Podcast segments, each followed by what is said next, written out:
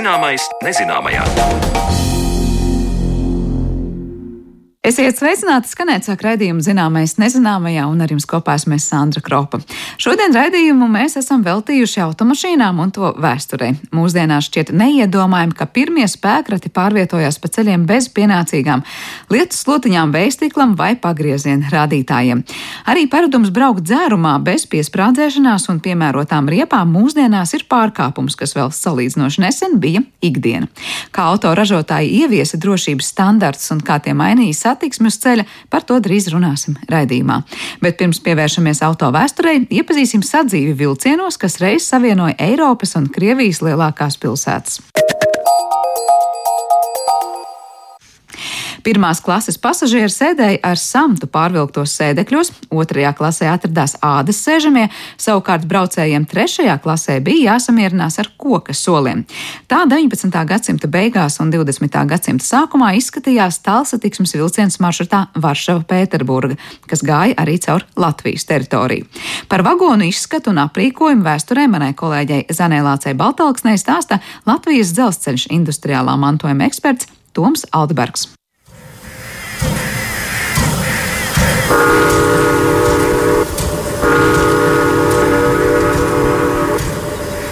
Katrā kupejā novietoti divi mīksti dīvāni ar mīkstām paceļamām atzveltnēm. Dīvānus sedz matrači, tie ir 50 mm biezi un pildīti ar zirgu spalvām. Matrača viena puse pārklāta ar mākslīgu ādu, bet otra ar tiku. Tas ir biezu strīpotu audekla drēbi. Ar tādiem pašiem matračiem pārklāts arī atzveltnes. Matraču sekšanai ar mākslīgu ādu agrākās vadmalas un samta vietā ir tās priekšrocības, ka viņiem vienmēr ir glīts izskats, viņi neustver putekļus un viegli noslaukāmi. Tā kā matrači viegli noņemami no dīvāniem, tad viņus katrā gadījumā bez sevišķām grūtībām var iznest no kupejas, pamatīgi tīrīt un dezinficēt. Šāds apraksts par jaunajiem pasažieru vagoniem ir lasāms Latvijas dzelzceļa virsvaldes oficiālajā izdevumā 1926. gadā. Luksus apartamenti grezni aprīkotos vagonos ir austrumu ekspresa simbols. Tālsatiksmes pasažieru vilciens, kas sākot no 19. gadsimta beigām kursēja no Parīzes līdz Stambulai, un vēlāk jau arī pa citām dzelzceļa līnijām Eiropā. Taču arī Latvijā ir pieturējuši vairāki vilcieni ar smalkām kupejām un restorānu vagonu, kur varēja malkot šampanieti no kristāla glāzēm. Bet iesākums pirmajai tālsatiksmes dzelzceļa līnijai no toreizējās Dvīnskas, tagad Daugaupils, līdz Pēterburgai nebija tik izsmalcināts.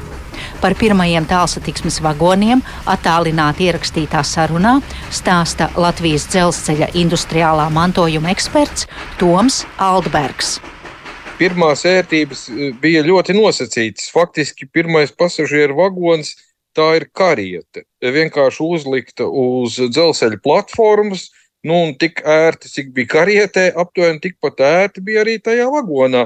Nu, gulēt jau var, protams, sēžot, bet nu, par tādām komfortablām guļu vietām mēs laikam pirmajos gados nevaram runāt. Sanāk, ka vairākas karietes saliktas viena pie otras. Ieeja katrā kupejā nosacītajā bija tā kā ieeja karietē. Labākajos klasēs, tātad pirmās klases vagonā bija aptuveni trīs tādas plašas karietes saliktas. Nu, tad tajā zemākajā klasē, tur par to karietu varbūt var runāt nosacīt, tur bija tādi koka soli vienkārši pa malām. Par ērtībām sliežu ceļu pasažieriem var pateikties beļģu inženierim Žoržam Nāgelmakeram, kurš 19. gadsimta 70. gados nodibina kompāniju sauktu par Starptautisko guļamvagonu sabiedrību. Principā te pie vainas, ja tā drīkstētu teikt, ir viens cilvēks, Džordžs Nāgelmakers. Viņš pēc tautības ir beļģis. Viņš bija aizbraucis uz Amerikas Savienotajām valstīm. Un tur tie iedīgļi eh, tādam komfortablam ceļojumam bija mazliet, mazliet iepriekš jau Džordžs Mortimers Pulmans. Nu, daudz ir dzirdējuši varbūt viņa vārdu, jo pulmaņa vagoni, nu, tas tā kā skaitījās lepni. Ja. Viņš bija uh, cilvēks, kurš pirmais izdomāja, ka nu, var arī pagulēt vilcienā. Tad tā kā šūpuļtīklus iekāru. Varbūt tas komforts bija tāds nosacīts, bet Džordžs Nagelmakers atrada šo veidu un e, saprata, kur ir problēma. Tanī karietē tu tā normāli izgulties nevari, ka ir jāveido vagons ar centrālo gaiteni pa vidu. Un tad var veidot tos nodalījumus, kurus mēs saucam par kupējām, Un tur arī izvietot pietiekoši komfortablu gultu.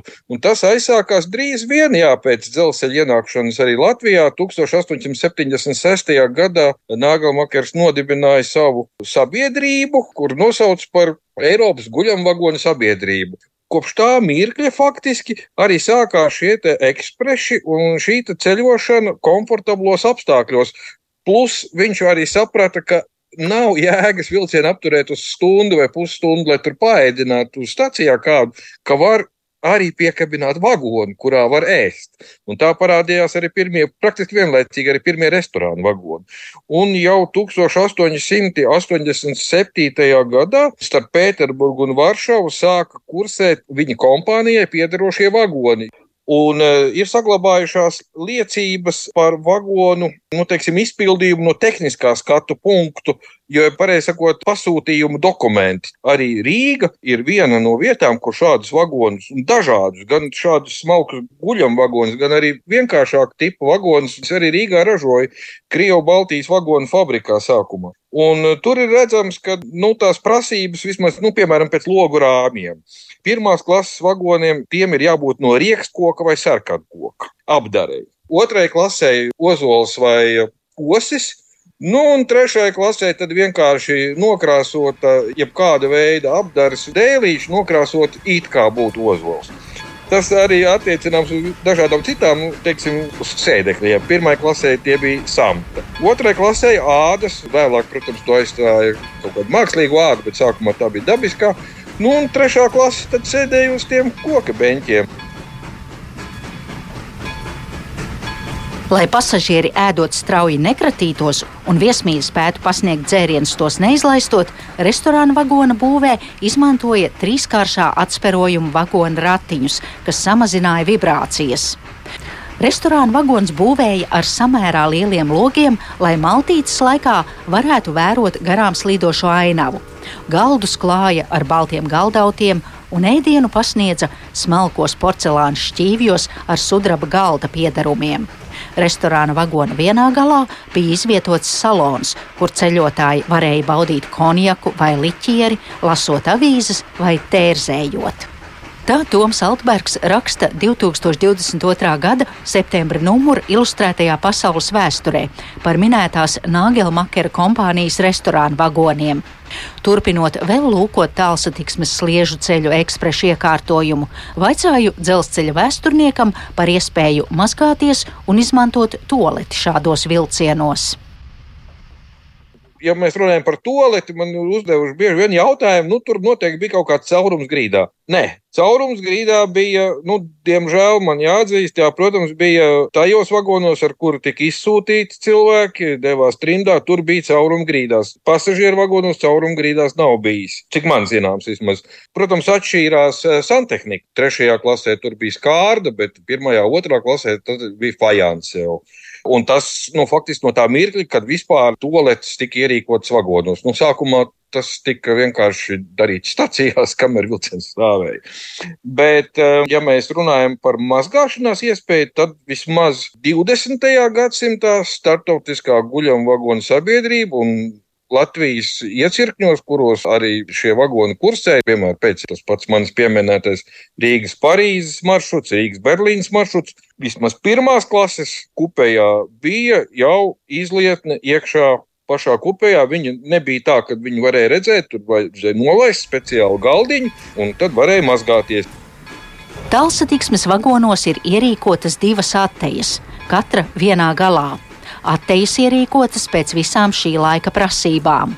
Katrā no viņām ir novietots vāra, no iekšpuses cinkots ūdens kubls un fajānsa mazgājamais trauks. Arī visi klozeta podi ir no fajānsa un ar ūdens skalojamo aparātu. Pie sienas piestiprināts spogulis ar plauktiņu. Otrā plauktiņā ir ievietota karafe un glāze. Katras atteju telpas griestos ir ierīkots ventilators. Tā atkal tiek rakstīts minētajā dzelzceļa vēstnesī par jaunajiem vagoniem Latvijā pagājušā gadsimta 20. gados. Protams, ka par visām šīm vērtībām bija jāmaksā. Un braucienu tālsatiksmes vilcienā varēja atļauties tikai turīgi ļaudis. Par to turpina Toms Aldbergs.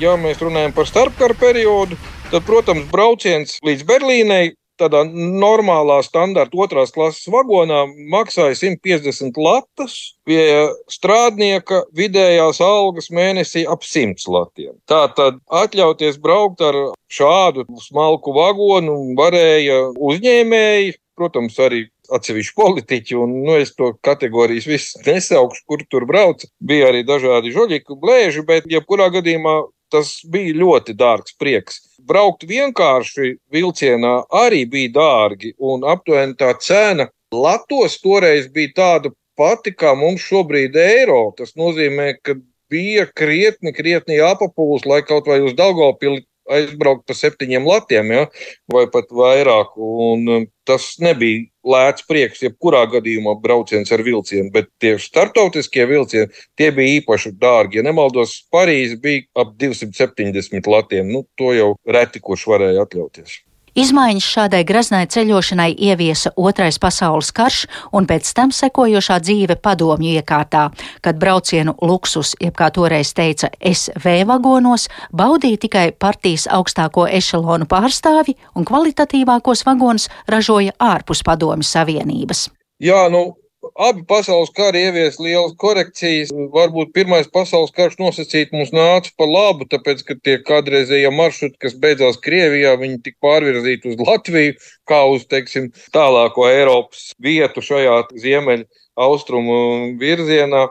Bet otrais pasaules karš, jā, nu, tas ievies nu, nāvējošas korekcijas arī kuģam vagonu sabiedrībai kā tādai faktiski beidzās ziedu laiki, jo Eiropā arī daudz kas bija mainījies. Un, protams, ka daži bija vienlīdzīgāki par citiem, un tiem jau vispār bija atsevišķi vagoni. Mums tāda arī bija. Partijas komitejai, arī dzelzceļa priekšniekam un ministra padomē katram bija savs vagons. Tā kā vispār luksus variants.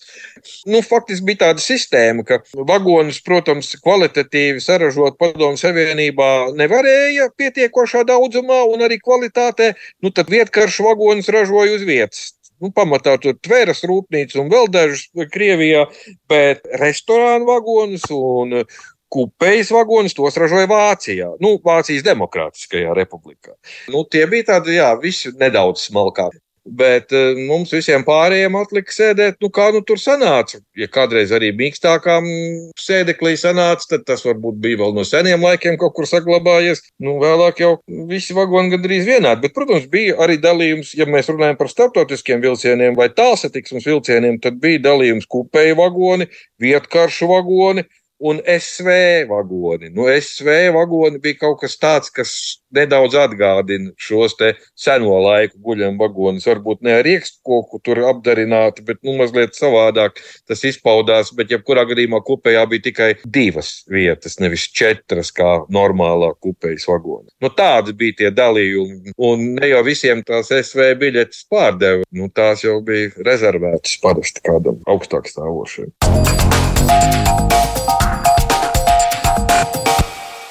Paldies par stāstu Zanēlācei Baltalksnei. Dzirdējām par starptautiskiem pasažieru vilcieniem vēsturē, bet par to, kā auto pamazām apauga ar drošības aprīkojumu saruna pēc brīža.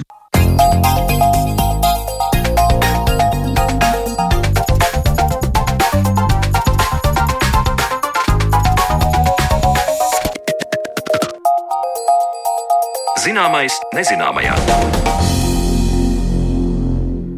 Ja pirmās automašīnas bija tehnoloģiju sniegums un gadsimta inovāciju simbols, tad mūsdienās auto ir ikdienas pārvietošanās līdzeklis visai cilvēcei. Satiksme ir kļuvusi par tādu kā cilvēks sasinsriti un auto drošības aprīkojums pārpildītās ielās un šosejās ir svarīgāks kā jebkad. Kā auto industrija ievies to, ko šodien uzskatām par pašsaprotamu - ziemas riepas, drošības jostas un bērnu sēdeklīšus, par to tad šodien mēs ar sarunu esam aicinājuši Rīgas motoru muzeja ekspozīcijas gidus Sabīnu Pusti un Oskaru Hosīti. Labdien! Labdien! Labdien! Jā, nu sāksim ar to, kādu evolūciju auto vispār industrija ir piedzīvojusi vairāk nekā gadsimta garumā. Jo, ja mēs runājam par to, kāda šobrīd ir automobīļi, tad, protams, mēs zinām, ka ir gan uh, triecienu testi, kas tiek pildīti, īpaši apatūras, kas ziņo, ja ir daudz kas noticis un nenoticis. Ja mēs arī runājam par nu, dažādiem ar komfortu, protams, par saistītiem aprīkojumiem, tas ir atsevišķs tās. Tikmēr pirmās automašīnas, es saprotu, bija pat bez pagrieziena rādītājiem, laikam. Ja? Kā jūs teikt, nu, kad vispār ražotāji sāka domāt, ka automobīls ir ne tikai lai pārvietotos, bet arī lai tajā varētu justies droši? No nu, pašām pirmajām automašīnām, protams, tas aprīkojums ir tieši tāds pats kā karietēm. Piemēram, patentu motorvāģena, kas bija pirmā patentēta automašīna 1886. gads, uh, tam ir tikai 0,75 zirgspēki, piemēram. Ja? Tātad šāda automašīna viņa brauc ļoti lēnu, viņai nav pat nepieciešams nekāds speciāls aprīkojums.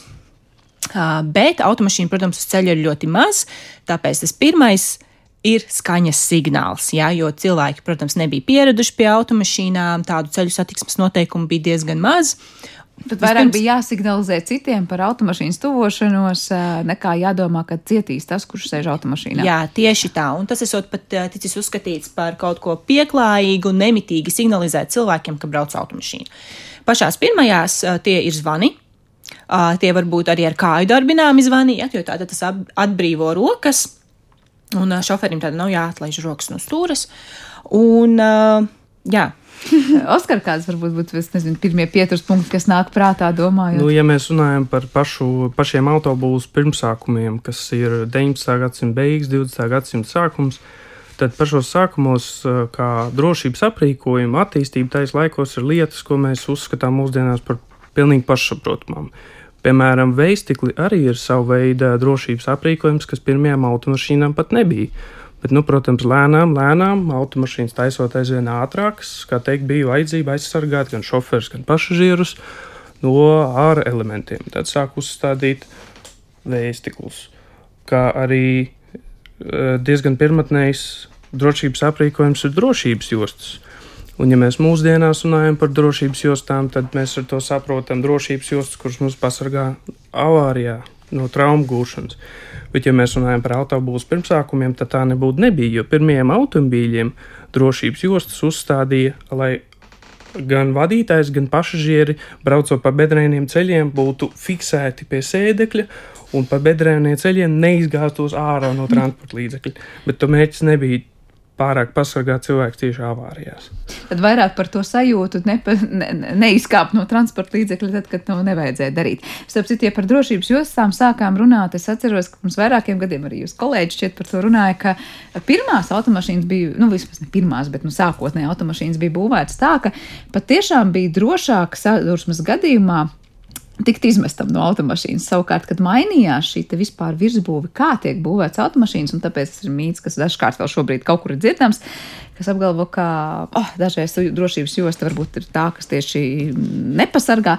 Gluži otrādi, ka mūsdienās tieši visdrošāk ir maksimāli ilgi palikt automašīnā sadursmes gadījumā. Kad notiek tas lūzuma punkts? Uh, jā, kādreiz, īpaši arī 30. gados, autosportā bija tā, ka, uh, ja jūs braucāt autosporta automobīlī un apgāzāties, šie automobīļi bija būvēti bez jumta. Līdz ar to, ja viņš jums uzkrita virsū, jūs varējāt tikt saspiests.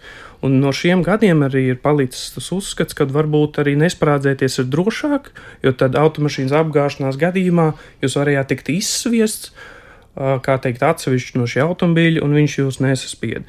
Taču mūsdienās, kā teikt, mēs ar šādu tipu transporta līdzekļiem vairs nebraucam, un, protams, ka absolūti drošāk ir piesprādzēties jebkurā gadījumā, jo tas nodrošina to, ka jūs uh, paliksiet fiksēti savā sēdeklī un uh, nekur neaizlidosiet, nekur neatstīsties, un, protams, mūsdienās visas mašīnas ir aprīkotas arī ar gaisa spilvens sistēmām, un, ja jūs braucat nepiesprādzējies, tad gaisa spilvena sistēma absolūti nav efektīva.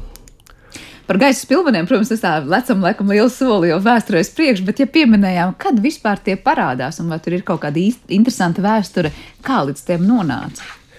Uh, jā, pirmās gaisa spilvenas sistēmas tika izstrādātas jau 50. gados. Uh, toties viņas nav gluži tādas kā mēs mūsdienās saprotam šīs sistēmas. Jo pašā sākumā viņas ir diezgan neefektīvas. Šie gaisa maisi uzpildās lēnām un ar nokavēšanos, un līdz ar to viņi nesniedz tādu aizsardzību kā modernie gaisa spilveni.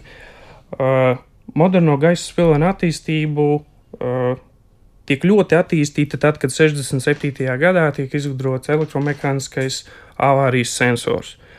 Uh, šis kombinācijā ar lādiņiem, kur ar gāzēm uzpilda maisus, spēja iedarbināt avārijas brīdī šos gaisa maisus nieka 30 milisekundēs.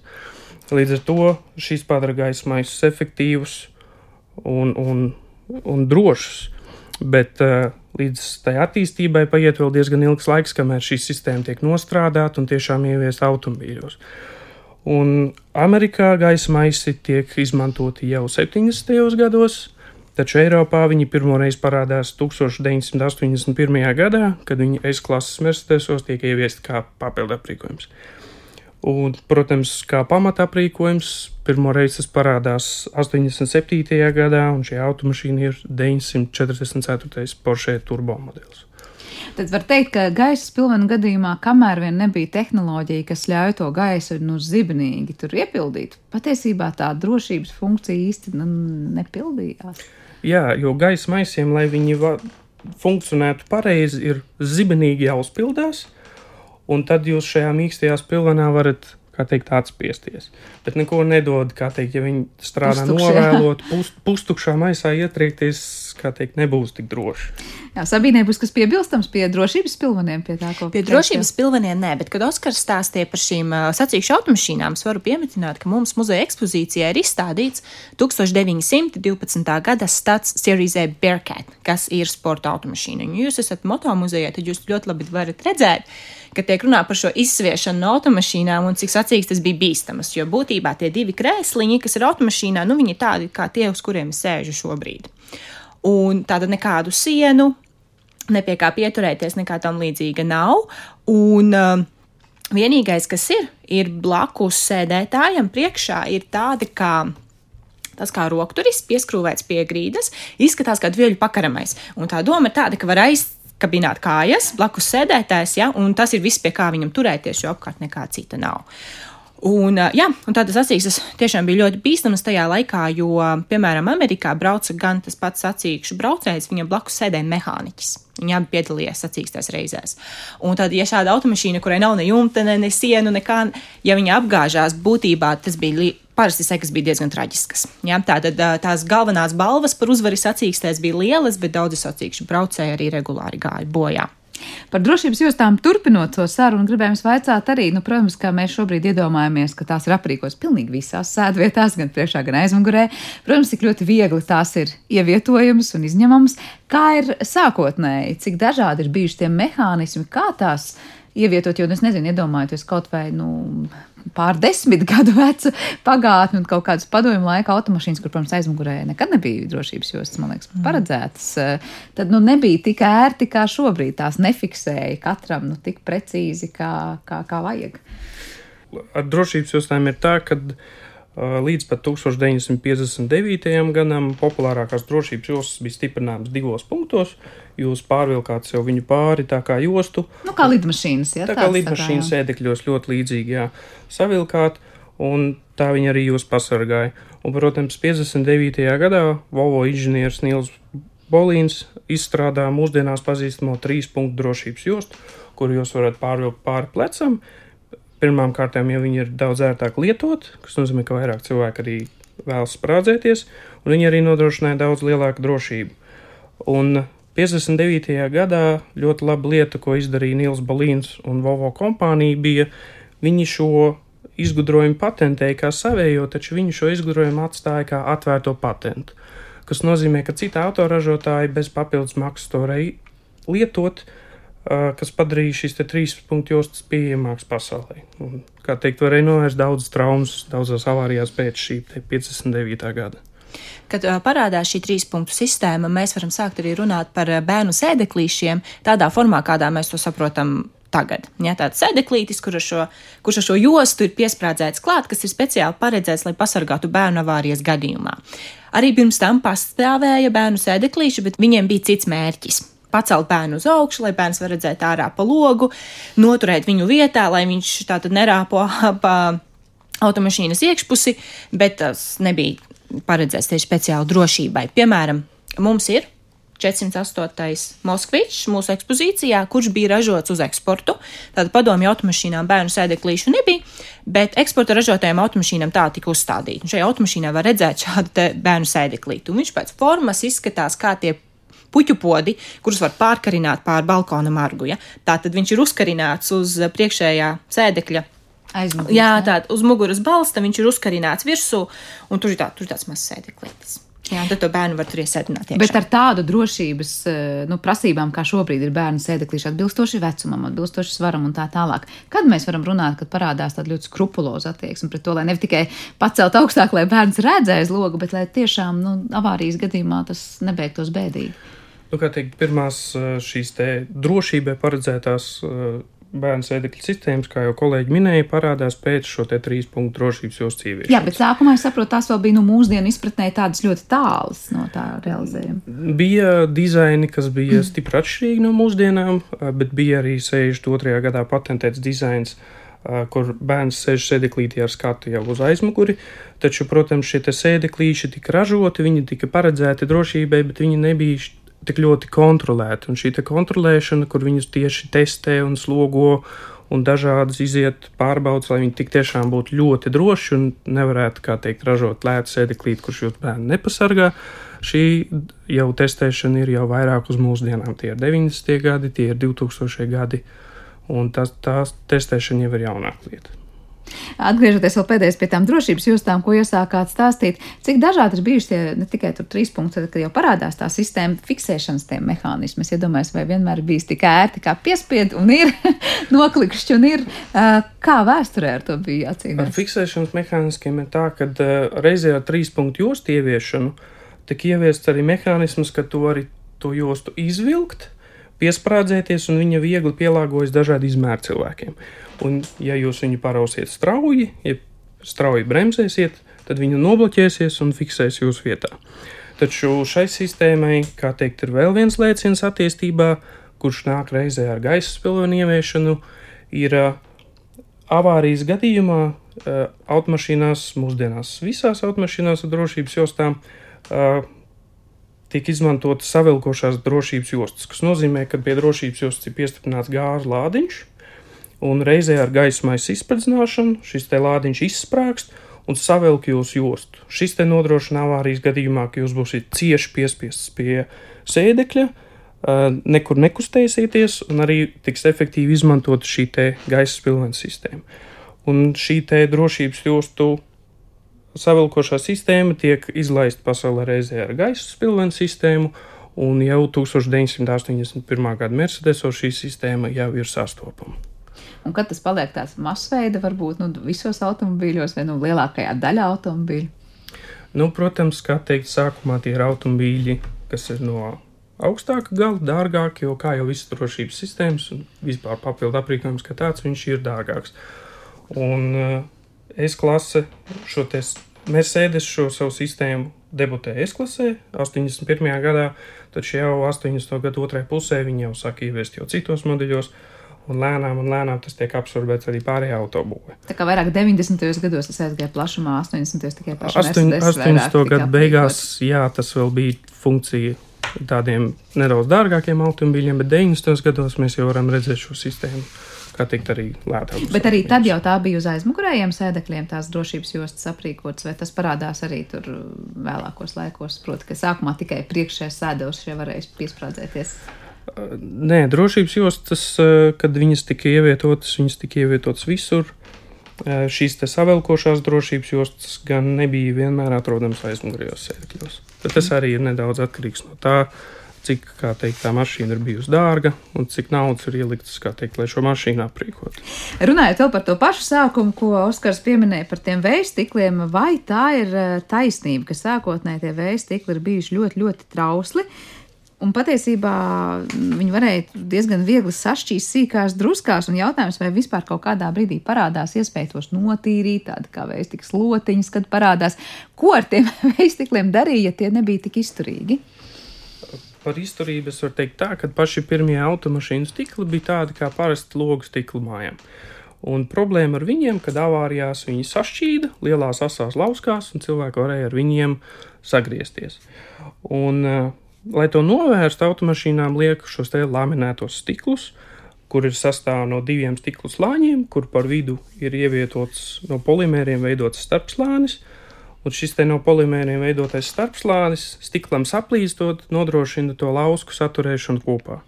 Tas pirmkārt padara stiklus izturīgākus un arī novērš šo risku sagriezties ar tām lauskām. Un interesanti tas, ka cilvēks, kurš izgudroja šos te laminētos stiklus, iedvesmojās no negadījuma ķīmijas laboratorijā. Jo viņam ķīmijas laboratorijā atradās mēģini, kura no iekšpuses bija pārklāta ar celulozes nitrātu, un viņš šo te mēģini nejauši nometa zemē. Un tad viņš novēroja, ka mēģins sašķīst lauskās, bet šis te celulozes nitrāts šo te mēģinu vienalga satur kopā. Un 1909. gadā viņš patentēja laminēto stiklu. Tad patiesībā diezgan agri jau tas notika. Diezgan agri, bet uh, līdz Pirmām pasaules karam šī te tehnoloģija bija dārga, līdz ar to viņi nebija īpaši pielietota. Un autobūvē, principā, laminētais stikls ienāk pēc kara. Uh, piemēram, 1919. gadā uh, Fords saviem automobīļiem standarta aprīkojumā kopš šī gada uz priekšu jau piedāvā laminētos stiklus. Savienībai, kas piebilstams? Jā, par logu tīrītājiem. Tad par pirmo stikla tīrītāju pasaulē tiek uzskatīts īra Džeimsa Henrija Apdžona 1903. gada izgudrojums. Um, par tīrītājiem lietus laikā kalpo divas sukas, kas mehāniski slīd pāri veistiklam tādā vertikālā virzienā. Un tajā pašā gadā amerikāņu izgudrotāja Mērija Andersone Viņai rodas līdzīga doma. Viņa bija aizbraukusi uz Ņujorku, viņa brauc tramvajā, tad ir ļoti slikti laikapstākļi, un redzamība esot bijusi tik slikta, ka vadītājiem ik pa laikam ir vajadzējis izbāzt galvu ārā pa logu, lai redzētu, kas notiek uz ceļa. Brauciena laikā viņa sāk izstrādāt konceptu uh, veistikla tīrītājiem no kabīnes iekšpuses. Uh, divi tīrītāji bija izgatavoti no koka un gumijas, Pavelkot kloķi netālu no stūres iedarbojās atspēru mehānisms, un lietus, sniegs vai citi netīrumi tad tiek notīrīti no stikla. Un tātad viņa patentē šo izgudrojumu, un tas ir arī noņemams, lai, kad ir labs laiks, tātad tas netraucē vadītājiem redzēt ceļu. Diemžēl viņa no sava izgudrojuma nekādus ieņēmumus neguva. Investori interesi neizrādīja, un kad Vēstikla tīrītāja kļūst par standarta aprīkojumu, viņas patentam jau bija beidzies termiņš. Tas diezgan skumīgs un traģisks patiesībā viņai konkrēti. Jā, viņai konkrēti, jā. Un mazliet vēlāk, 17. gadā, vēl viena dāma, Šarlote Bridžvuda, viņa patentē automātiskos elektriskos logu tīrītājus, un tie arī, diemžēl, nav komerciāli veiksmīgi. Tā kā tas ceļš sākotnēji bruģēts tādām varbūt nu, neveiksmēm vai vismaz idejām, kas radās, bet līdz galam neatrada to varbūt dzirdīgās ausis un, un, un, un īstās rokas. Bet Oskars pirms brīža minēja šo negadījumu tajā ķīmijas laboratorijā, kas bija tas cēlonis, lai meklētu laminētos stiklus, jā, un citādāk tehnoloģiju, kā tos stiklus veidot. Mm, tagad jūs minējāt arī par tām idejām, kas radās daudzos citos brīžos. Vai mēs varam teikt, ka um, automašīnas tajā visā evolūcijā, drošības tieši kontekstā, virzītāju spēks bija kaut kādi negadījumi, ceļu satiksmes negadījumi, vai tomēr tas, ka vienā brīdī sāka palikt vairāk automašīnu, lielāki ātrumi un vienkārši cilvēks sāka saprast, ka kaut kas ir jādara ar to drošību? Droši vien tā varētu būt, jā, skaņu signālus sāk uzstādīt automašīnām jau rūpnīcā. Uh, tad, kad tiešām sāk masveidā ražot automašīnas. Ja? Pirms tam skaņu dažādas šīs taures, kas varēja būt viena taurīte ar gumijas bumbuli, varēja būt skaņu signāli, kam ir vairākas tauras. Piemēram, mums muzejā ir tāda, kurš sešas taurītes kopā, un tur ir mehānismiņš, kur var ieprogrammēt pat melodiju. Ir arī boā tauras, kur ir šis gumijas bumbulis un tāda gara metāla truba, kas aizlokās, un tad tur pašā galā ir tā, tā aura, vai ne? Uh, bet tad, kad sāk ražot automašīnas masveidā, tad tie kļūst nevis ekstra, ko var piepirkt klāt, bet ko sāk uzkā, uzstādīt uh, masveidā. Uh, arī tātad šīs lielās uzņēmumi, uzņēmumiem tā ir peļņas iespēja ražot šos dažādos aprīkojumus. Piemēram, 20. gadā ja, Tricontinental Corporation ir tā, kurai izdod, kurā rada tādu pirmo komerciāli veiksmīgo uh, logu tīrītāju sistēmu. Tātad tur būtu tā masveida ražošana, mm kā ar citiem gadījumiem? Uh, par negadījumiem runājot, parasti tieši drošības aprīkojums tiek izstrādāts ar mērķi novērst šos te negadījumus, un, protams, iedvesmošanās vienmēr ir ņemta no negadījumiem, kas jau ir notikuši. Un, ja mēs, kā teikt, vēl varu piemetināt par tiem laminētajiem stikliem, tad eh, Edvards Benedikts izstrādājot šo stiklu, iedvesmojās no avārijas, kurā bija cietis viņa draugs. Viņa draugs bija avārējis ar automašīnu un ar šiem asiem stikla gabaliem uh, traumējies. Līdz ar to, kā teikt, viņam, kā teikt, ar vēlmi pasargāt uh, citus autovadītājus no šādām nelēmēm un redzot šo iespēju, tika izstrādāts šis laminētais stikls.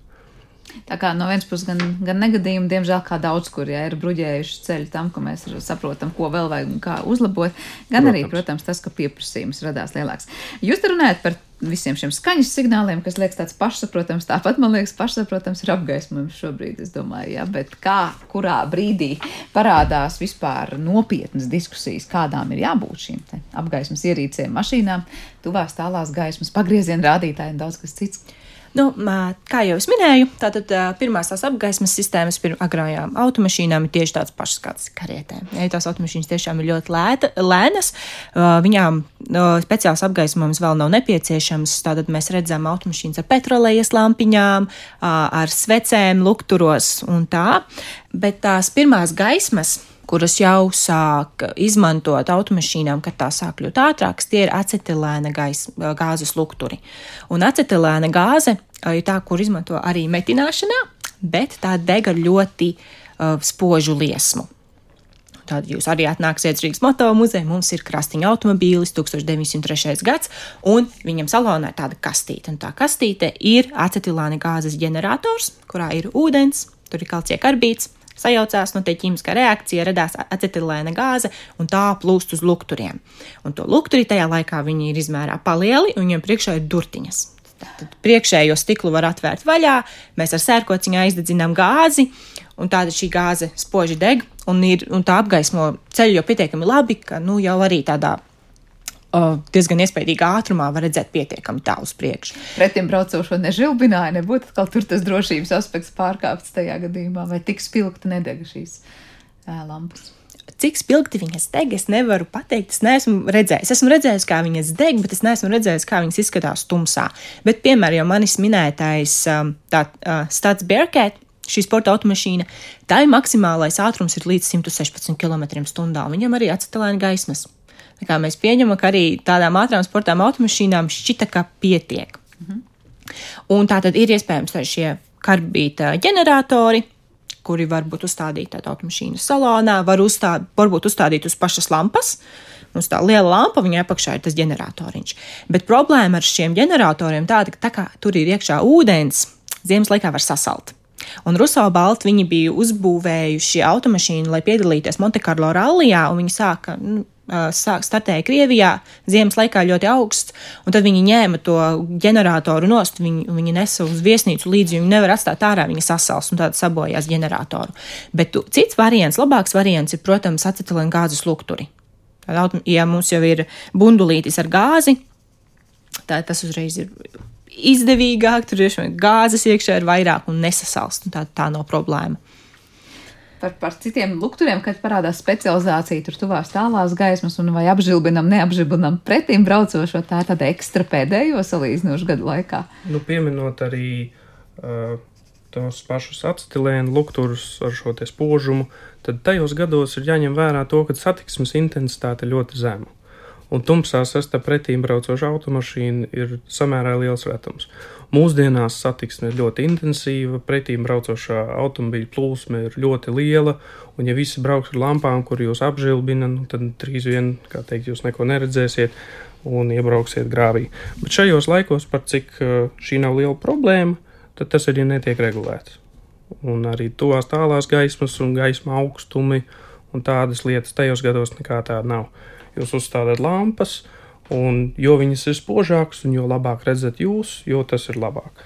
Citā autoražotāja uzstādīja arī papildus lukturus pa vidu automašīnām, vēl kā papildus apgaismojumu, jo tajā laikā, kā teikt, par tādām problēmām vēl nedomāju. Vēl ir viena lieta, ko sarunas noslēgumā noteikti gribētu, gribētu akcentēt, un tas ir, protams, ka riepas, ziemas riepas, vasaras riepas, šobrīd diskusijas par šīm vissezonas riepām, kas vienā brīdī tomēr nebūs atļautas. Uh, kurā vietā, kurā laikā, vai ir kāds atkal īpašais cilvēks vai īpašais ražotājs, kas vispār parāda, ka vajag diferencēt, kurām riepām ir vieta ziemas sezonā un vasaras sezonā?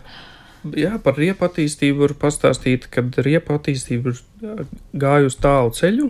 Kā teikt, pašas pirmās automašīnas izmanto parastus riteņus, kuriem pat nav pneumatiskās riepas. Un pašā sākumā pat pneumatiskās riepas izgudrošana 1888. gadā jau ir teikt, liels lēciens, uzlabojot šo braukšanas komfortu.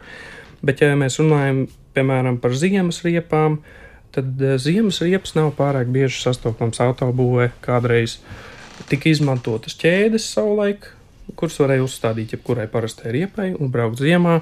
Taču tieši sniegam paredzētas riepas pirmo reizi parādās 1934. gadā, un viņas izstrādā Somijā kompānija Nokia. Un šīs riepas sākumā ir paredzētas tieši smagajiem automobīļiem. Viņas izmanto radiālas riep, rievas, iestrādātas riepā, kuras palīdzēja, teikt, braucot pa sniegu un dubļiem, rakties cauri un nodrošināja labāku caurgājumību. Un jau divus gadus vēlāk, 36. gadā, šī pati Nokia kompānija izstrādā arī ziemas riepas pirmās automobīļiem, vieglajiem, šīs Nokia Hakapelīta riepas. Taču, protams, ja mēs salīdzinām viņas ar ziemas riepām mūsdienās, tad mūsdienās viņas netiktu uzskatītas par ziemas riepām. Es tieši biju vajadzētu, kā tās izskatījās. Tās nebūtu ar tādiem protektoriem, kas mūsdienās ir vai. vai... Nē, mūsdienās droši vien jūs skatītos uz šādu riepu, jūs domājat, ka viņa ir vienkārši riepa vai ka viņi ir paredzēti, teiksim, vienkārši braukt pa smiltīm, jo viņai, kā teikt, nav šīs te lameles. Un viņa nu, izskatās stipri savādāk, un tie gumijas sastāvā arī ir stipri savādāk. Bet tāda funkcija tā veica savo, savā laikā, kad parādījās. Bija atšķirība braukt ar tādām riepām vai nebraukt? Jā, protams, ka neliela bija, jo, kā teikt, šīs te gludās riepas, kas bija paredzētas pārvietoties vasarā, tomēr nu, nebija tik efektīvas.